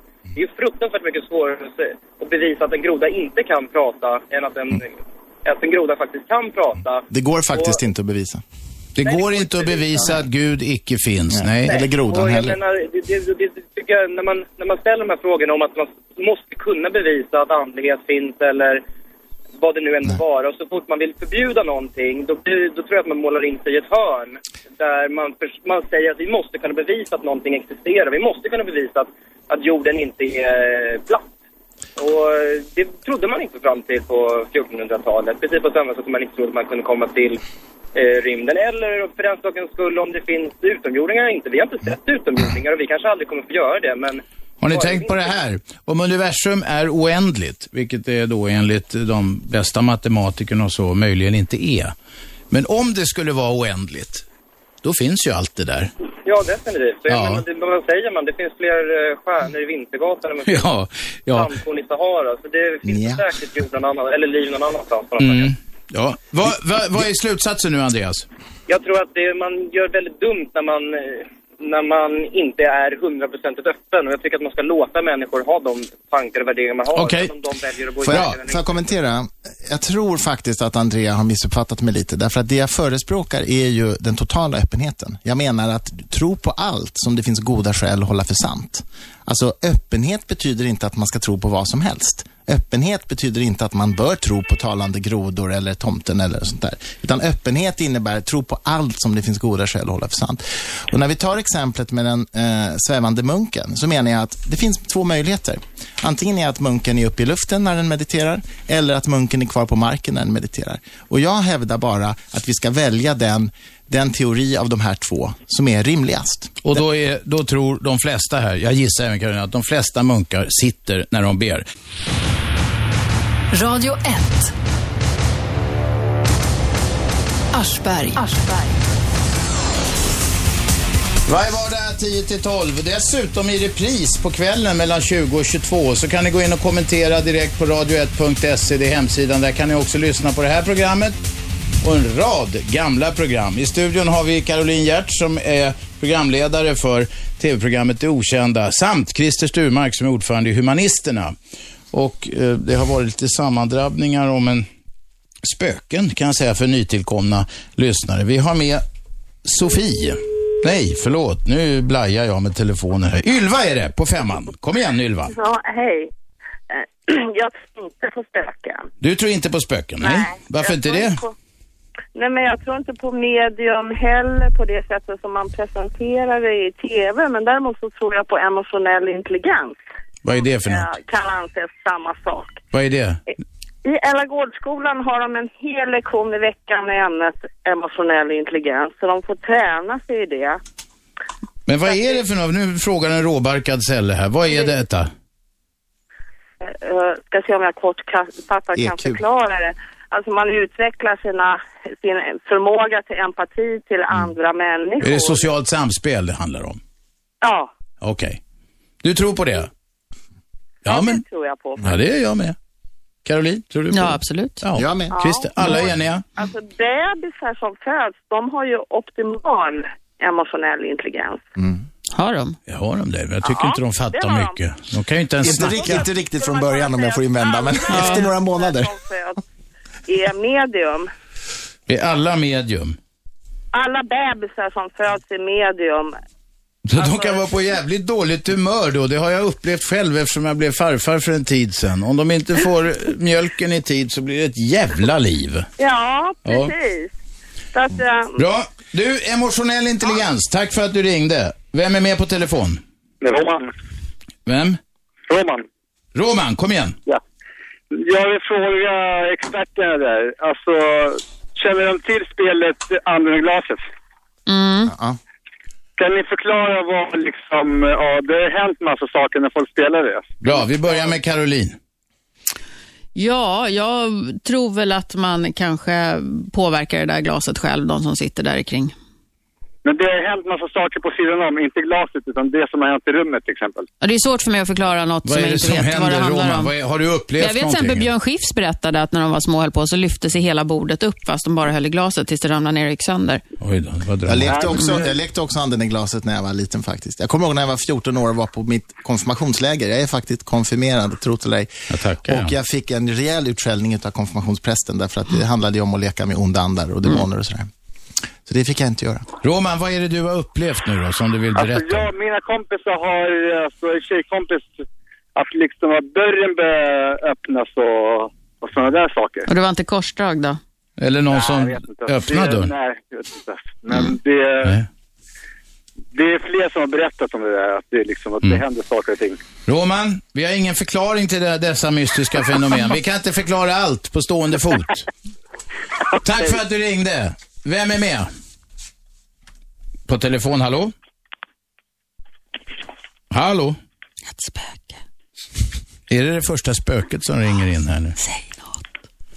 Ja, det måste vara det. Vi, Får jag vi säga något lämnar tiden? spöket. Ja, varsågod. jagar telefonröster. Alltså, egentligen tycker jag det är lite synd att vi fastnar i diskussionen om huruvida det finns spöken eller inte. Därför att det är en fråga som i alla seriösa sammanhang redan är avgjord. Eh, vad vi borde prata om, det är ju att TV4 och andra eh, kanaler exploaterar den här vidskepelsen. Men det har vi också gjort. Jo, fast Inte det, lika mycket. Fast det är det, nej, och faktiskt, och det är det som är huvudproblemet. Människor får naturligtvis tro på vilka stolligheter som helst. Men då får väl en tv-kanal visa vilka Jo, stolligheter men som helst. problemet är att man därigenom marknadsför och legitimerar bedragare. Och det tycker jag Men är nu går det åter det där Det igen man och få- konstaterar att det är bedragare. Du har ingen substans bakom Jo, det. det har jag. Jag sa just att frågan om huruvida andar finns eller inte är i alla seriösa sammanhang avgjord. Den har granskats oerhört mycket och den rimligaste hypotesen är att det inte finns andar som man kan prata med, att det inte finns andar överhuvudtaget. Och allt det jag har varit med om när vi jobbar Ja, eh, är, beror kära på cold reading, Caroline, eh, din, dina egna fusk. upplevelser och din egen egocentriska utgångspunkt är inte relevant i sammanhanget faktiskt. min Och din poäng utgångspunkt är inte att- egocentrisk. Nej, därför att jag utgår inte från mina egna upplevelser eller icke-upplevelser av spöken, utan jag utgår ifrån världens samlade kunskap och vetande om det här. Men och därför du- menar jag att frågan är i den meningen avgjord. Det mest sannolika är att de här inte existerar. Och Christer. givet detta så är det att exploatera bedragare. Du vill inte förbjuda tv-kanaler att visa stolliga program, hoppas jag. Nej, men min poäng är att media borde ta ett större moraliskt ansvar. Och det gör man ju i massa andra avseenden. Man är jävligt noga med att inte ha rasistiska inslag, vilket jag tycker är mycket bra.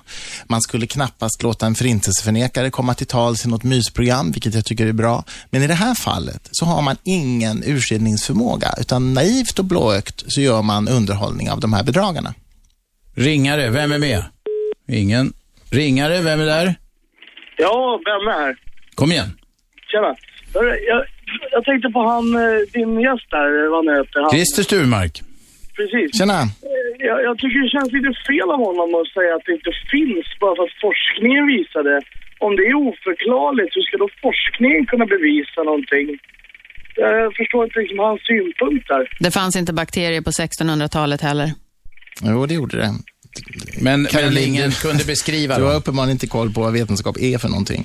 Ehm, Du jag- menar att det man inte har bevisat idag kan inte Nej, finnas? vetenskap bevisar ingenting. Vetenskap ger bara belägg för olika hypoteser. Ja. Mer eller mindre Så starka din belägg. hypotes är att det finns ingen, vi överlever den inte samlade, döden. den samlade kunskapen vi har idag om Dagens hjärnan, samlade den samlade kunskap vi har idag om, om medvetandet, om hjärnan, det är att medvetandet upphör att existera när vi dör. Det är alltså den rimligaste hypotesen. Och min poäng är att vetenskapen uttalar sig inte om spöken, utan vetenskapen uttalar sig om huruvida det går att få information på ett oförklarligt sätt. Och allt visar att inte det går. Alla de undersökningar som har gjorts Även visar att det inte telepatiska, går. menar Även du, telepatiska visar förmågor. på att det, det inte finns går. inga vetenskapliga experiment som talar för telepati. Är du nöjd, Benne? Ja, jag är nöjd. Tack, hej. Och det Vem- är Adrian vem är Parker där? gör i Göteborg. Ja, Visar han har inte på det. lyckats visa att telepati fungerar. Vem är där på telefon? Nej, spöken är... Ytterligare ett spöke. Ja, Vem är där? Hej, Bobo heter jag. Bobo, kom igen. Eh, jo, ditt inslag där när du hade hästen Rulle med och, eh, och allt de här kvacksalvarna var ju jag var helt fantastiskt. Och, eh, Ja, det var några år sedan. Vi, vi gjorde cold reading fast omvänt. Vi sa till, lät hästprataren förstå att Rulle gillade bananer och kall, gillade att kallas för Rulle. Men Rulle hade aldrig hört namnet Rulle och Rulle vägrade äta bananer. Så det var omvänd cold reading kan man säga. Och det gick hästprataren på. jag tyckte det var helt underbart. Och eh, jag instämmer med Christer där att eh, jag läste lite grann om eh, illusioner om Gud. Det finns en jättebok som handlar om, ja, inte spöken men religion och lite hokus pokus i allmänhet. Ja. Det är samma som ditt inslag där med hästen, när han hästprataren som kunde tolka på nätet, där du, när ni klippte av hårstrån och skickade från... Ja, vi skickade ett hårstrå från en häst. Han sa att hästen var, eh, började bli gammal och sådär. Vi hade tagit den från, vad heter det här, kamma, i slottet. Det var Mm. någon gammal... Livrustkammaren, va? Livrustkammaren, ja. En 300 år gammal häst eller vad det nu var. Hade vi fått ett hårstrå. Så var det. Men du, hade du något mer? Bedragarna där. Det blir ju lite bedrägeri. Man lurar kanske människor som kanske inte är så starka och Ja. inte har lite... Det är precis det som är min poäng. Perfekt. Bra. Och jag, och jag menar ju också att man ska vara fullständigt öppen för eh, hypotesen att telepati fungerar. Det vill säga, man ska pröva. Och det har man gjort. Och jag menar att av de två möjliga teorier som finns, nämligen att det fungerar och att det inte fungerar, så är den ena mer rimlig än det andra. Det är det enda jag säger. Det är det mest öppna Om man ska, sättet. säga så, här, om man ska på- säga så här på ett snällare sätt då. Får jag tolka det så, Christer? Mm. För så ser Det var väl ganska Karol- snällt, Caroline som- reagerar. Ja. Av allt som är gjort så är det ingenting som tyder på att det fungerar. Mer kan man inte säga. Nej, just det. Nej. Och så gäller Men om vi då till exempel pratar om telepati, eh, som man forskade på på KTH, tror jag, eller om det var Stockholms universitet. Och då hade Mm. han tagit studenter från psykologikursen, random, och sett om det funkar och de fick inget utslag. Så frågade jag honom, och jag har till och med glömt bort vem det var. Jan Dahlqvist. Tack så mycket. Jag vågar inte säga ifall det var fel. Eh, varför han inte tog till exempel tvillingar eller par som har varit gifta länge eller folk som, som uppfattar att de har en telepatisk kommunikation. Och då sa han, nej, det vore ju fusk. Det har man gjort också, sådana experiment. Så Massor. att, vilket jag, jag, jag tror att många av de här experimenten har gått ut på att bevisa att det inte funkar. Att Såklart liksom inte har. Vederlägga Alltså, vetenskapsmän och forskare skulle ju älska att Men visa att just- telepati fungerade. Du, till, får jag bara säga det här. Till att börja med så skulle det resultera i ett Nobelpris. Så påstå inte att inte forskare vill upptäcka telepati. det. Då är det det jag ska ägna mig åt när jag har slutat med det okända. Ja, bra. Vi har en ringare med oss. Nej, nu försvann de. 0200 11 12 13. Eh, ja, vi har lite tid före reklamen här fortfarande. Vad ska du göra då för forskning? Vad är det du ska forska fram då, Caroline? Jag får väl försöka hitta på något eh, telepati-indikerande experiment helt Mm. enkelt. Det här är också en väldigt vanlig fördom som finns bland new age-människor, nämligen att forskarna inte vill upptäcka det här. Och det är ju fullständigt absurt. De vill ju inte Ja, forska ja, om det Det är ens. klart de vill. Det har forskats massor på telepati. Och jag säger det igen, den forskaren som kan belägga telepati skulle få Nobelpriset, De skulle kanske- bli världsberömd. De kanske tror att det, är dålig, rik. att det är dålig hitrate bara.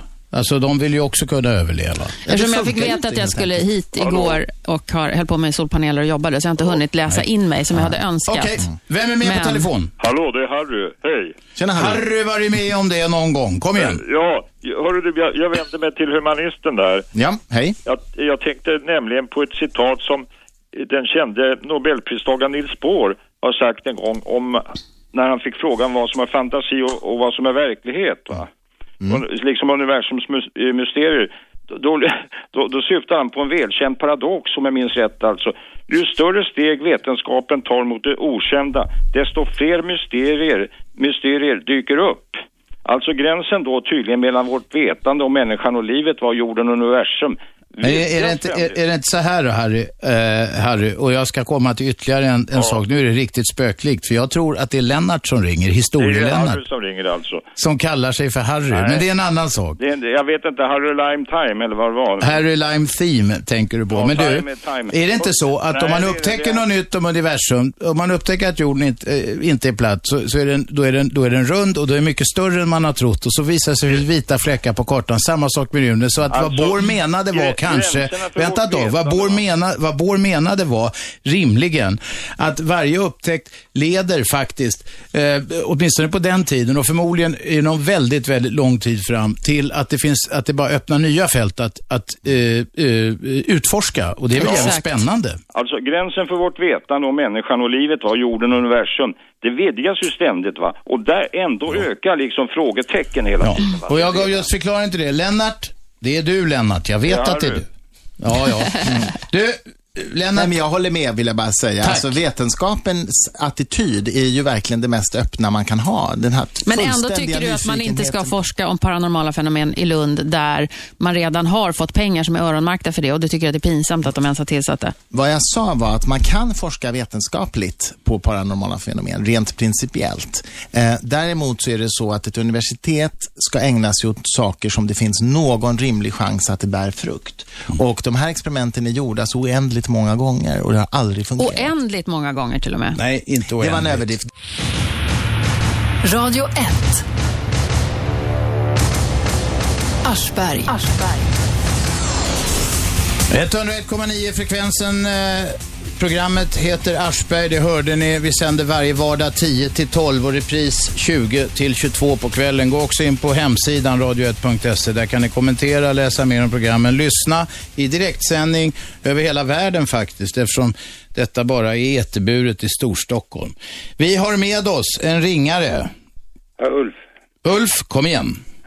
Jo, jag undrar, det borde väl egentligen finnas någon forskning på hur all den här förbannade reklamen på tv avbrottna till eller ifrån. Man är full, fullpumpad i Det finns massor med forskning på det. Eh, därför att reklam... Vet du vad jag ska förklara för dig Ulf? Reklamköparna. I Lettland har de så efter klockan åtta. Så är det förbjudet för tv-reklam. Ja, men om du frågar efter forskning Ulf, kan jag säga att är det några som vill ha det så är det reklamköparna. De vill nämligen ha valuta för pengarna. Ja, det, då, jag menar, reklamen är ju gratis. Vad fan ska jag betala för det då? Ja, ja den betalar ju tv-programmen, men du får ju gå till din riksdagsman eller riksdagskvinna om du vill ändra på detta. Många nu, så det är väl ingen som begriper någonting längre. Nej. Men då får du lyssna, lyssna. Ska man forska ska man... Men ändå lyssnar du på den här pratradion som är full med reklam. Ja, men jag säger det, det är en annan grej för jag lyssnar inte så jävla mycket på reklam på pratradio. Däremot tittar jag på tv-program som bryts rakt av. Men sporten bryter man aldrig av och kör reklam utan det... Jo, det gör de i de kommersiella kanalerna. Ja, men tittar du på en film så bryter de kanal. Tycker du det är tillräckligt? Är det bra tycker du med alla jävla reklam? Nej, jag brukar hyra filmer där jag vill se. Det pumpas ju fullt hela tiden. Du, vi noterar, din, vi noterar din synpunkt. Vi får ta detta som ett annat ämne, den förhatliga reklamen. Jag är övertygad, jag är inte ensam i Stockholm Nej. eller i Sverige. Du, har du sett spöken någon gång? Va? Har du sett spöken någon gång?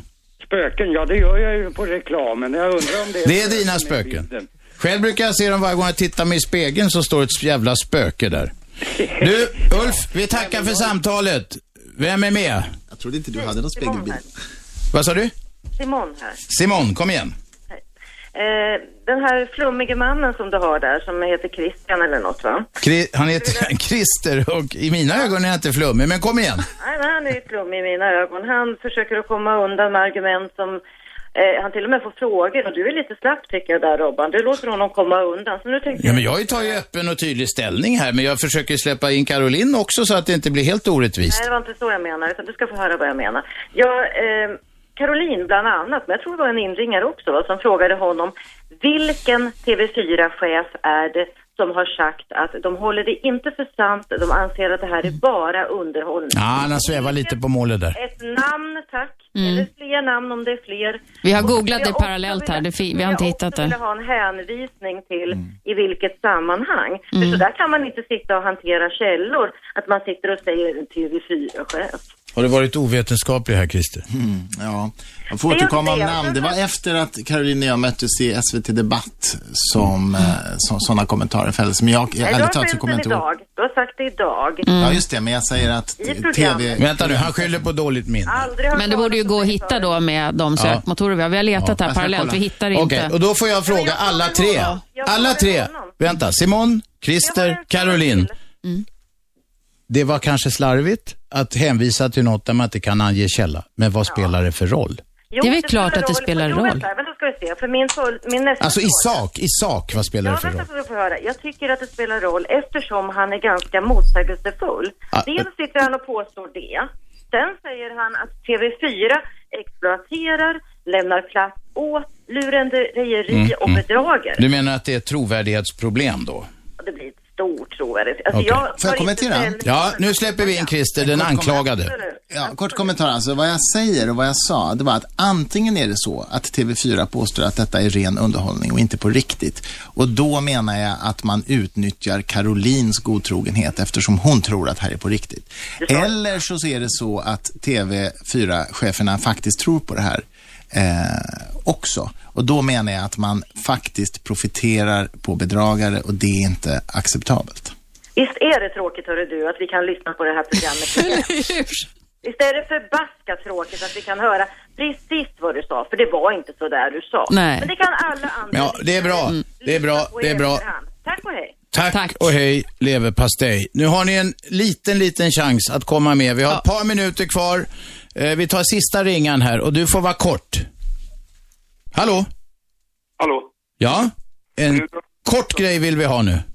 Ja, de där argumenten som den där eh, knarkaren sitter och slänger ut sig där, var har han haft ifrån? Vänta, är han knarkare?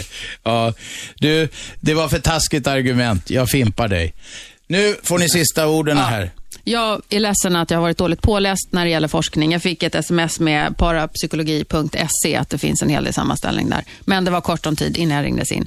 Jag hoppas att jag ska få se från dig Christer de påståenden du har sagt här att eh, TV4 säger att det är underhållning som inte är sant. Att man har gjort det här experimentet med att man har ett flertal personer som ska se vad, om det är män eller kvinnor i kuvert och att vi fuskar som du återkommer till hela tiden. Vi fuskar inte. Det finns inte ett enda belägg för det. Vi har gjort kanske 150, jag vet inte, program. Det är redigerare, loggare, researchers, fotografer, familjer. Inte en enda person har trätt fram och talat om någonting oegentligt under inspelningarna eller efter. Och Det beror på att det inte finns något att säga.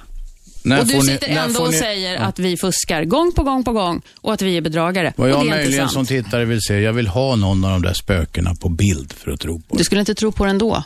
Jo, om jag såg det på bild. Ja, dit jag ska idag har vi faktiskt en mobilkamera med spöke på bild. Om vi nu tror på det. Bra, okej. Så det jag vill kommer vi gärna, få se jag vill gärna se. Christer? Bålsta. Och det jag säger Bålsta. är alltså att det finns oerhört mycket belägg som talar för att spöken inte existerar och att de här medierna är bedragare. Flera av dem har avslöjats med faktiska bluff och fuskmetoder. Detta vet varje insatt och seriös person, inklusive dina eh, TV4-chefer. Eller så borde de veta det. Och därmed menar jag att ni bidrar till att marknadsföra eh, bedrägeri och ni exploaterar detta för egen vinnings skull, för ni vill sälja reklamplatser i detta. Och dessutom exploaterar ni människor som, som är i emotionell nöd, som kanske sörjer. Och det är djupt omoralisk verksamhet och det här programmet borde upphöra omedelbart. Caroline, eftersom vi har varit åtminstone en och en halv mot en här, så får du ett mycket, kort, en halv, mycket eller? kort sista ord. Nej, det är jag. Ja, eh, vi fuskar inte, jag står för det vi gör. Jag är stolt över Okej. det jag gör och jag tror att vi vet inte allt om den värld vi lever i än. Vi är tillbaka imorgon klockan 10. Andreas? Då kommer Magdalena Ribbing och vi snackar vett och etikett. Vett och etikett. Var beredda att ställa er frågor till drottningen, vett och etikett-drottningen Magdalena Ribbing. Vi ses imorgon klockan 10. Tack för att ni lyssnade. Detta är Radio 1. 101,9 Radio 1. Sveriges nya pratradio.